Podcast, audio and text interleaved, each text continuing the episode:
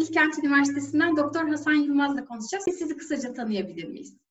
Tabii ben e, öncesinde İstanbul Teknik Üniversitesi'nde e, fizik mühendisliğinden lisanstan mezun oldum 2008 senesinde. Aynı sene Koç Üniversitesi'nde malzeme bilimi mühendisliğinde master programına başladım.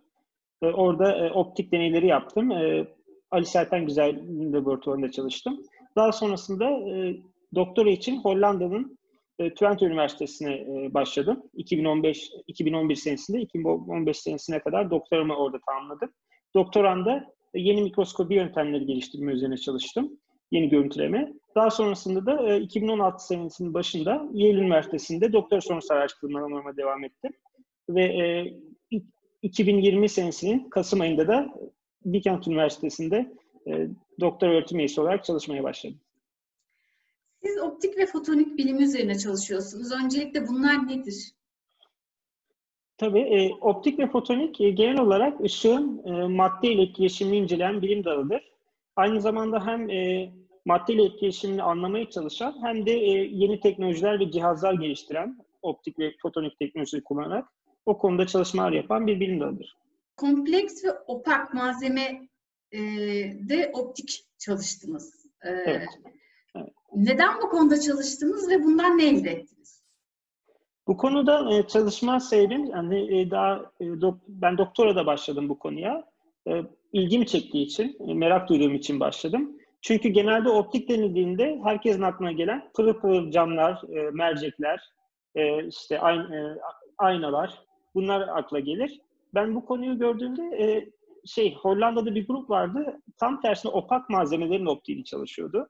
Yani mesela e, opak malzemeyle kastım mesela gözünüze beyaz görünen ya da gri görünen hani saydam olmayan veya parlak olmayan malzemelerin, mat olan malzemelerin e, optiği. Bunlara örnek olarak mesela duvar boyası, e, işte diş macunu, e, biyolojik doku e, hepsi örnek verilebilir. Bu malzemelerde ışığın nasıl ilerlediği, nasıl davrandığı ilgimi çekti. O yüzden başladım konuya. Çalışmanızdan ne elde ettiniz ve bir algoritma yazdınız. Nasıl bir algoritma yazdınız?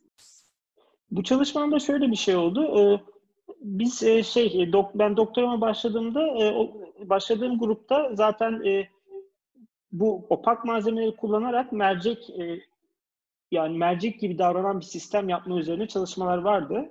Ben bu çalışmalara devam ettim oradan. Benim yaptığım katkıda şu oldu. Bu bu opak dediğimiz malzemeler aslında şey ışığı çok farklı şekilde geçiriyor. Mesela bir mercek ışığı odaklar bir noktaya. Bu malzeme de aslında lazer ışığı gönderdiğinizde bir sürü yere rastgele olarak odaklıyor gibi düşünebilirsiniz. Rastgele. Aslında bir kısmı ışın geçiyor o opak malzemeden karşıya. O geçen kısımda bir sürü rastgele pozisyonlara binlerce, milyonlarca odak oluşturuyor. Ama bunlar böyle tamamen şey gibi düşünün. Uzayda rastgele dağılmış odak noktaları. Ee, bizim yaptığımız şeydi. E, bir arkaya bir mesela e, görüntülemek istediğimiz bir floresan, e, ışıyan, ışıldayabilen bir malzeme koyduk. Bunu görüntülemek istiyorduk. Bu e, yani normal mercekle odak değil de bu malzemeyle odakladığımızda karşımıza bir mesela kamerayla ölçüm yaptığımızda bir bilgi seti elde ediyoruz. Bu bilgi seti yalnız tabii mikroskopun verdiği gibi çok düzgün bir bilgi vermiyor bize. Yani mikroskopta bakarsanız ne görüyor hani ne görmek istiyorsunuz onu görürsünüz. Bu çok daha karmaşık bir bilgi veriyor. Bu karmaşık bilgiyi de bir algoritma geliştirip çözmeniz gerekiyor. Yani şifrelenmiş bir bilgi gibi düşünebilirsiniz bu malzeme. Ben bu ben hem bu deneylerini yaptım bunun hem de bunun algoritmasını daha da geliştirmesi üzerine çalıştım. E, bu algoritmaların problemi genelde şu oluyor. Mesela e, şey e, size çok fazla e, sonuç verebiliyor. Mesela bir sürü e, görüntü sonucu veriyor. Hangisinin doğru, hangisinin yanlış olduğunu bilemiyorsunuz. Yani e, birisi doğru onlardan. Diyelim e, elinizde bin tane sonuç var. Bir tanesi doğru bilemezsiniz. Benim yaptığım daha hani mesela fiziksel e, şeyler katarak bu algoritmaya, kısıtlamalar katarak mesela. Biraz hakkımızda bilgimiz olabilir bu görüntülemek istediğimiz cismin. Onları katarak ben, en doğru sonuç hangisi onu vermesini sağladım. Benim yaptığım katkı bu oldu. Ve bu görüntü bu görüntüyü neden bu opak mercekle yaptığınızda hani e, normal e, lensle yapmadınız derseniz çözünürlüğü iki buçuk kat daha yüksek oldu. Mesela 100, 116 nanometre civarında bir çözünürlük verdi. Normal optik mikroskoplar en iyisini kullansanız dahi bir 250 nanometrenin altına inemez. En iyi e, şu anda sistemi kullansanız bile. Tabii ben normal hani e, bildiğiniz markette satılan en hani e, temel mikroskoplardan bahsediyorum. İleri yöntemlerden değil. Yani hani temel bir mikroskobu e, şey gibi düşünebilirsiniz. Bu opak mercek e, piyasada olan en iyi mercekten ve daha iyi e, sonuç verebiliyor bu, bu algoritma ile beraber kullanıldığında. Bu katkıyı yaptım. E, opak merceği burada kullanmak nereden aklınıza geldi? Hani bu kadar opak merceği... yani be, benim de hani ben de mikroskop kullanmışlığım olduğu için e, opak bir mercek kullanmak kimsenin çok kolay kolay aklına gelmez evet. yani. O aslında şöyle, e, ben hani e, benim aklıma gelmedi. Benden önce düşünülmüş bir şey bu, opak mercek. E, mesela e, teorisi ilk e, bunun e, şey Freud diye bir bilim insanı var İsrail'den. E, bu konularda bayağı ünlü. O, teorik olarak hani bunu öngörmüş. Ama e, pratikte hiç yapılmamış şu ana kadar. Benim doktor hocam işte yeni e, Special Light Modulator dediğimiz ışığı uzayda şeklini kontrol eden cihazlar e, geliştirildiği zaman bu cihazları kullanarak e, aslında bu e, eski teorik olarak e, öngörülen yöntemlerin yapılabileceğini öngörmüş. E, o hani e, benden önce benden önce mesela bu e, opak mercekli bir deney yapılmıştı. Benden önceki doktor öğrencisi. Fakat e, problemi şuydu. O, onların yaptığı şuydu. Ben mesela anlattım ya opak mercek bir sürü yere odaklıyor. E, o mesela ışığın şeklini kontrol ederek tek yere odaklamasını sağlamış önce. Tek bir noktaya daha sonra onunla görüntü elde etmiş. Yani opak merceği normal merceğe dönüştürmüş. Benim yaptığım ama o zaman da şöyle bir sorun oluyor. Göreceğiniz alanın genişliği kısıtlı oluyor. O, o çünkü o odağı çok az bir yere hani tarayabiliyorsunuz. Geniş tarayamıyorsunuz. Benim yaptığımda onun yerine hiç odaklamayalım. O bir sürü rastgele dağılmış noktaları hepsini paralel olarak odakmış gibi düşünüp daha az tarayarak hani daha geniş alanı görüntüleyebilelim şeklinde oldu. Ee, direkt son, sorunuzun e, kısa cevabını hani sorunuzu tam cevaplamadım aslında. Bana şey sordunuz, nereden aklınıza geldi? Ee, gelen kişinin nasıl aklına geldiğini ben şöyle tahmin edebilirim. Ee, bu şeyi anladıktan sonra, fiziğini çalıştıktan sonra opak cisimlerde lazer ışığı nasıl ilerliyor zaten bunu fark ediyorsunuz hemen. Aslında bir opak cisimde aslında bir mercek gibi davrandığını, matematiksel denklemlerine baktığınızda hiçbir fark yok neredeyse. Ya olay yani işin özünü anlamak, bilmek.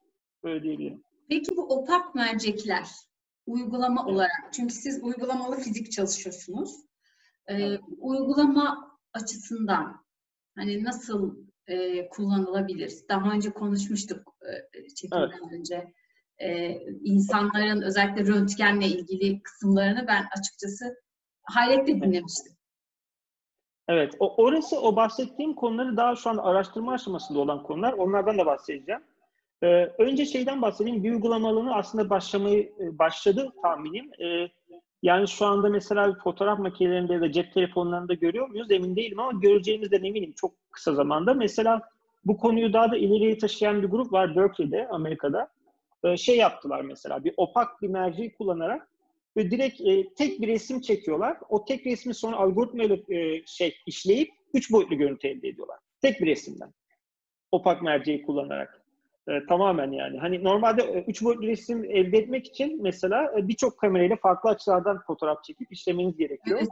Bu opak mercekli tek bir resimden elde ediliyor. Bunun mantığı da şu şey gibi düşünebilirsiniz. Opak mercekte aslında küçük küçük böyle e, şeyler, mercekler var gibi düşünebilirsiniz. Böyle bir sürü ama e, rastgele dağılmış. Bu küçük mercekler kameranın farklı yerlerini farklı şekilde odaklıyor aslında görüntüyü. Ama çok karmaşık bir şekilde odaklıyor. Siz bir algoritma kullanarak bu bilgiyi bir şekilde oradan çıkartabiliyorsunuz.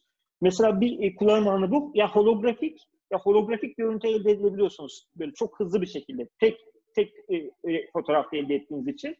Bu şu anda yapılıyor zaten. E, makaleleri var, patentleri de var hatta. Bu peki holografik dediniz ya. Peki VR, evet. VR teknolojisine kullanıldığı zaman e, gözlüğe evet. ya da herhangi bir e, bir şeye gerek kalmadan e, biz kamerayla konuşurken böyle üç boyutlu gibi konuşma şansımız olabilecek mi? O, o birazcık daha şey, e, teknolojinin e, epey gelişmesi gerekiyor onun için. Onu sebebi şu, anda zaten üç boyutlu e, şeyler var, ekranlar. Ama sadece çok dar bir açıda üç boyut gösteriyor. Mesela e, mesela e, yüzünüzü biraz çevirdiğinizde, yan baktığınızda üç boyutlu görmüyorsunuz. Onun sebebi şu piksel çözünürlüğü. Yani e, işle, işlenebilen hani veri işleyebilen piksel sayısı limitli. Mesela e, işte 4K'nın bir üstü çıktı şu anda sanırım. Onun sebebi de şey, e, çok fazla e, işlem kapasitesi gerektiriyor. Hem e, çok fazla bir piksel kontrol etmeniz için elektroniği çok karmaşık olması gerekiyor. Hani o aslında teorik olarak çözülmüş bir olay görece. ama bu dediğiniz gibi bu opak lenslerin de orada katkısı olabilir. Hatta bir makale vardı hatırlıyorum birkaç sene önce ama ürüne dönüşmedi bildiğim kadarıyla. Opak merceği kullanarak holografi yapıyorlardı e, opak merceğin arkasında. Nasıl bir avantajı vardı? Şöyle bir avantajı var aslında opak merceğin. E, avantajı şey, e, mesela şeyi arttırıyor. E, normalde siz mesela bir e, ekrana bir görüntü yazıyorsunuz, holografik bir görüntü elde etmek için. Onu sonra bir sürü mercek kullanmanız gerekiyor. Böyle e, şey, büyük büyük bir sistem kurmanız gerekiyor. Onu daha küçük boyuta sıkıştırmanızı sağlayabilir opak mercek. Çünkü hani birçok lensin yaptığı işi tek başına yapabileceği için e, tabii opak merceğin de ama e, bir şeyi de hani e, dezavantaj demeyeyim de hani hiçbir şey bedava değil. Sonuçta bir şeyden kazanınca başka bir şeyden kaybediyorsunuz. E, şey, e, processing yani işlem yapmanız gerekiyor. Çünkü bilgi biraz karmaşıklaşıyor, karıştırıyor o bilgi. O bilgiyi tekrar şey e, şey anlaşılabilir hale getirmeniz gerekiyor. Bunu ya bir dijital olarak mesela kaydedip hızlıca mesela e, yapmanız gerekir ya da bunu e, başka bir e, şeyle, bu bahsetmiştim ya Special Light Modulator diye bir e, şey cihazlar var. Onu başka bir ekranla direkt düzeltmeniz gerekebilir. Ama hani şey, bu opak lenslerin getirdiği avantaj, birincisi pratik avantajları var dediğim gibi. Mesela tek resim, tek hızlı bir şekilde tek resimde üç boyutlu görüntü elde etmenizi sağlayabiliyor. Diğer avantajı da şöyle aslında çok e, dolaylı bir avantaj bence e, şey kavramsal olarak birçok bilim insanının hani hatta bilim insanlarının da yani e, bu işte çalışan, argesinde çalışan mühendisler değil, hani bildiğiniz akademik araştırma yapan insanların bile hani bakış açısını değiştirdi. Daha farklı açıdan bak, yaklaşmaya başladı insanlar optiğe. Özellikle holografi ve görüntüleme teknolojilerine daha hani e, bilgisayar algoritmalarıyla, daha e, bilişim e, teorisini, teknolojisini kullanarak iç içe hani düşünmelerini sağladı. E, daha çok hani e, disiplinler arası bir hale getirdi konuyu. Hem bilgisayar bilimcileri hem e, fizikçiler hem elektronik mühendisleri hep beraber çalışmaya başladılar. O çok müthiş oldu. Hani e, bazen şey olabiliyor. Bilim bazen e, geliştiği zaman hem kendi kendini geliştiriyor, geliştirebiliyor. Bir de teknolojiyi de geliştirebiliyor. İkisini de yaptı bu aslında bu opak lens kavramı. E, diğer e, belki bahsettiğim şey de benim gelecekte benim çalışma yönlerimden birisi şey gibi düşünebiliriz. Mesela biyolojik doku da opak dedim. Biyolojik dokunun içini göremememizin, göremememizin sebebi ışık saçılması. Hani o bilginin karışması yine aynı şey bahsettiğim gibi. Ee, tabii, e, biyolojik dokunun içini görebildiğimiz yöntemler var. İşte X ışınları var. Ondan sonra e, MRI var. Tabii bunların hepsinin bir zorluğu var. X ışınları zaten e, şey e, kontrastı çok yüksek olmuyor. Mesela kemik dokusuyla kas dokusunu ayırt edebilirken çok detaylı kas dokusunu, protein yapılarını e, detaylıca mesela onları e, çok özel işaretlemezseniz ayırt edemiyorsunuz. Hani tanı koymanız zorlaşıyor o tarz konularda. MRI'nin kontrastı daha yüksek e, fakat onda o da çok daha pahalı bir yöntem yani. Büyük bir mıknatısın içine giriyor hasta. Hani pahalı bir cihaz zaten. E, bakımı çok maliyetli. İşte hasarlı oluyor sürekli. E, öyle bir dezavantajı var. Ama biz optikle yapabilirsek mesela MRI gibi çalışan bir cihaz e, bildiğiniz mikroskop gibi içini görüntü, vücudumuz için görüntülen müthiş hem daha ucuz olacak kesinlikle hem de daha hani yüksek çözünürlüklü görüntüleyebileceğiz. Fakat tabii bu problem çok büyük ve zor bir problem. Ben e, zaten bu zor olduğu için zaten o yöne doğru gitmek istiyorum. E, işte e, şey, benim burada düşündüğüm de işte mesela bu bahsettiğim gibi opak, opak lens kavramı mesela şey aslında. O opak malzemenin arkasındaki bir cismi görüntüleme. Ee, benim mesela ilerleyeceğim konu opak lensin kendini görüntülemek yani. Hani şey gibi düşünebilirsiniz. Bütün vücudumuz bizim bir lens gibi aslında. Opak bir lens gibi e, düşünebilirsiniz. Onun içini görüntülemek. E, o da şöyle olabilir. Mesela ışığı kontrol edersek e, gönderdiğimiz hani vücudumuza lazer ışığı farklı açılarda göndeririz. Frekansını tararız. Hani çok böyle yüksek boyutlu bir ölçüm yaparsak mesela e, bunun olabileceğini, yapılabileceğini düşünüyorum geliştirilmiş algoritmalarla beraber. Çok enteresan bir çalışma olur yalnız. Gerçekten. Hani e, röntgenin ötesinde MR, tomografiye ihtiyaç kalmadan o zaman birçok şeyi görebiliriz. Ne? Evet. E, yani şey demek belki çok iddialı olur. Hani tomografi veya MR'ın yerini alacak demek. Onlar hala var olacak ama bu alternatif, onlara ek, daha fazla hani bilgi almamızı sağlayacak bir yöntem geliştirilebilir mesela. Hani e, tıbbi açıdan ileride e, tabii e, bu daha çok hani başlangıç aşamasında. Mesela benim e, planladığım hani benim şu anda önümüzdeki 5 sene olsun için planladığım işler e, hepsi tamamen planladığım gibi başarılı gitse bile sonunda bir ürün çıkmayacak. Benim yapacağım sadece e, onun yapılabilirliğini göstermek olacak. Hani ne derece yapılabilirliğini. Daha sonra ondan e, sonra e, ondan sonra 5 sene sonraki aşamalar artık daha uygulamaya gidecek başarılı olursa bu fikirler. Ve siz e, uygulamada fizik laboratuvar kuruyorsunuz. E, Evet. Biraz da bunlardan söz edelim mi? Neler yapıyorsunuz? Tabii e, şey e, uygulamalı fizik derken aslında uygulamalı fiziği şöyle özetleyebiliriz. Şey e, fizikle mühendislik arasındaki bir köprü. E, deneysel fizik tabii ki. Şimdi e, şöyle düşünebilirsiniz. Fiziğin aslında ana e, hedefi şeydir. E, doğayı anlamaktır. E, doğayı, maddeyi, çevremizi, olan olayları nasıl olduğunu anlamaktır. Mühendisliğin amacı da e, bunu kontrol etmektir doğayı. E, anladığımız e, doğa yasalarını kullanarak kontrol edip e, hayatımızı kolaylaştıran teknolojileri geliştirmektir. E, burada e, bir köprü gerekli şundan. E, şöyle, e, mesela doğa hakkındaki bilgimiz her zaman artıyor. Hani mesela e, 10 sene önceki bilgi birikimimizle şu andaki arasında inanılmaz bir fark var. 10 sene içinde de çok fazla artıyor bildiğimiz şey sayısı. Ve bunu hani e, bunun için ayrı bir uzmanlık gerekiyor bunu takip etmek için. Bir mühendisin işi çünkü zaten sadece bildiğimiz şeyleri e, kullanıp e, yeni teknoloji geliştirmektir. E, bir e, bilimcinin işi de e, sadece anlamaya çalışmaktır. Bunun arası da gerekiyor.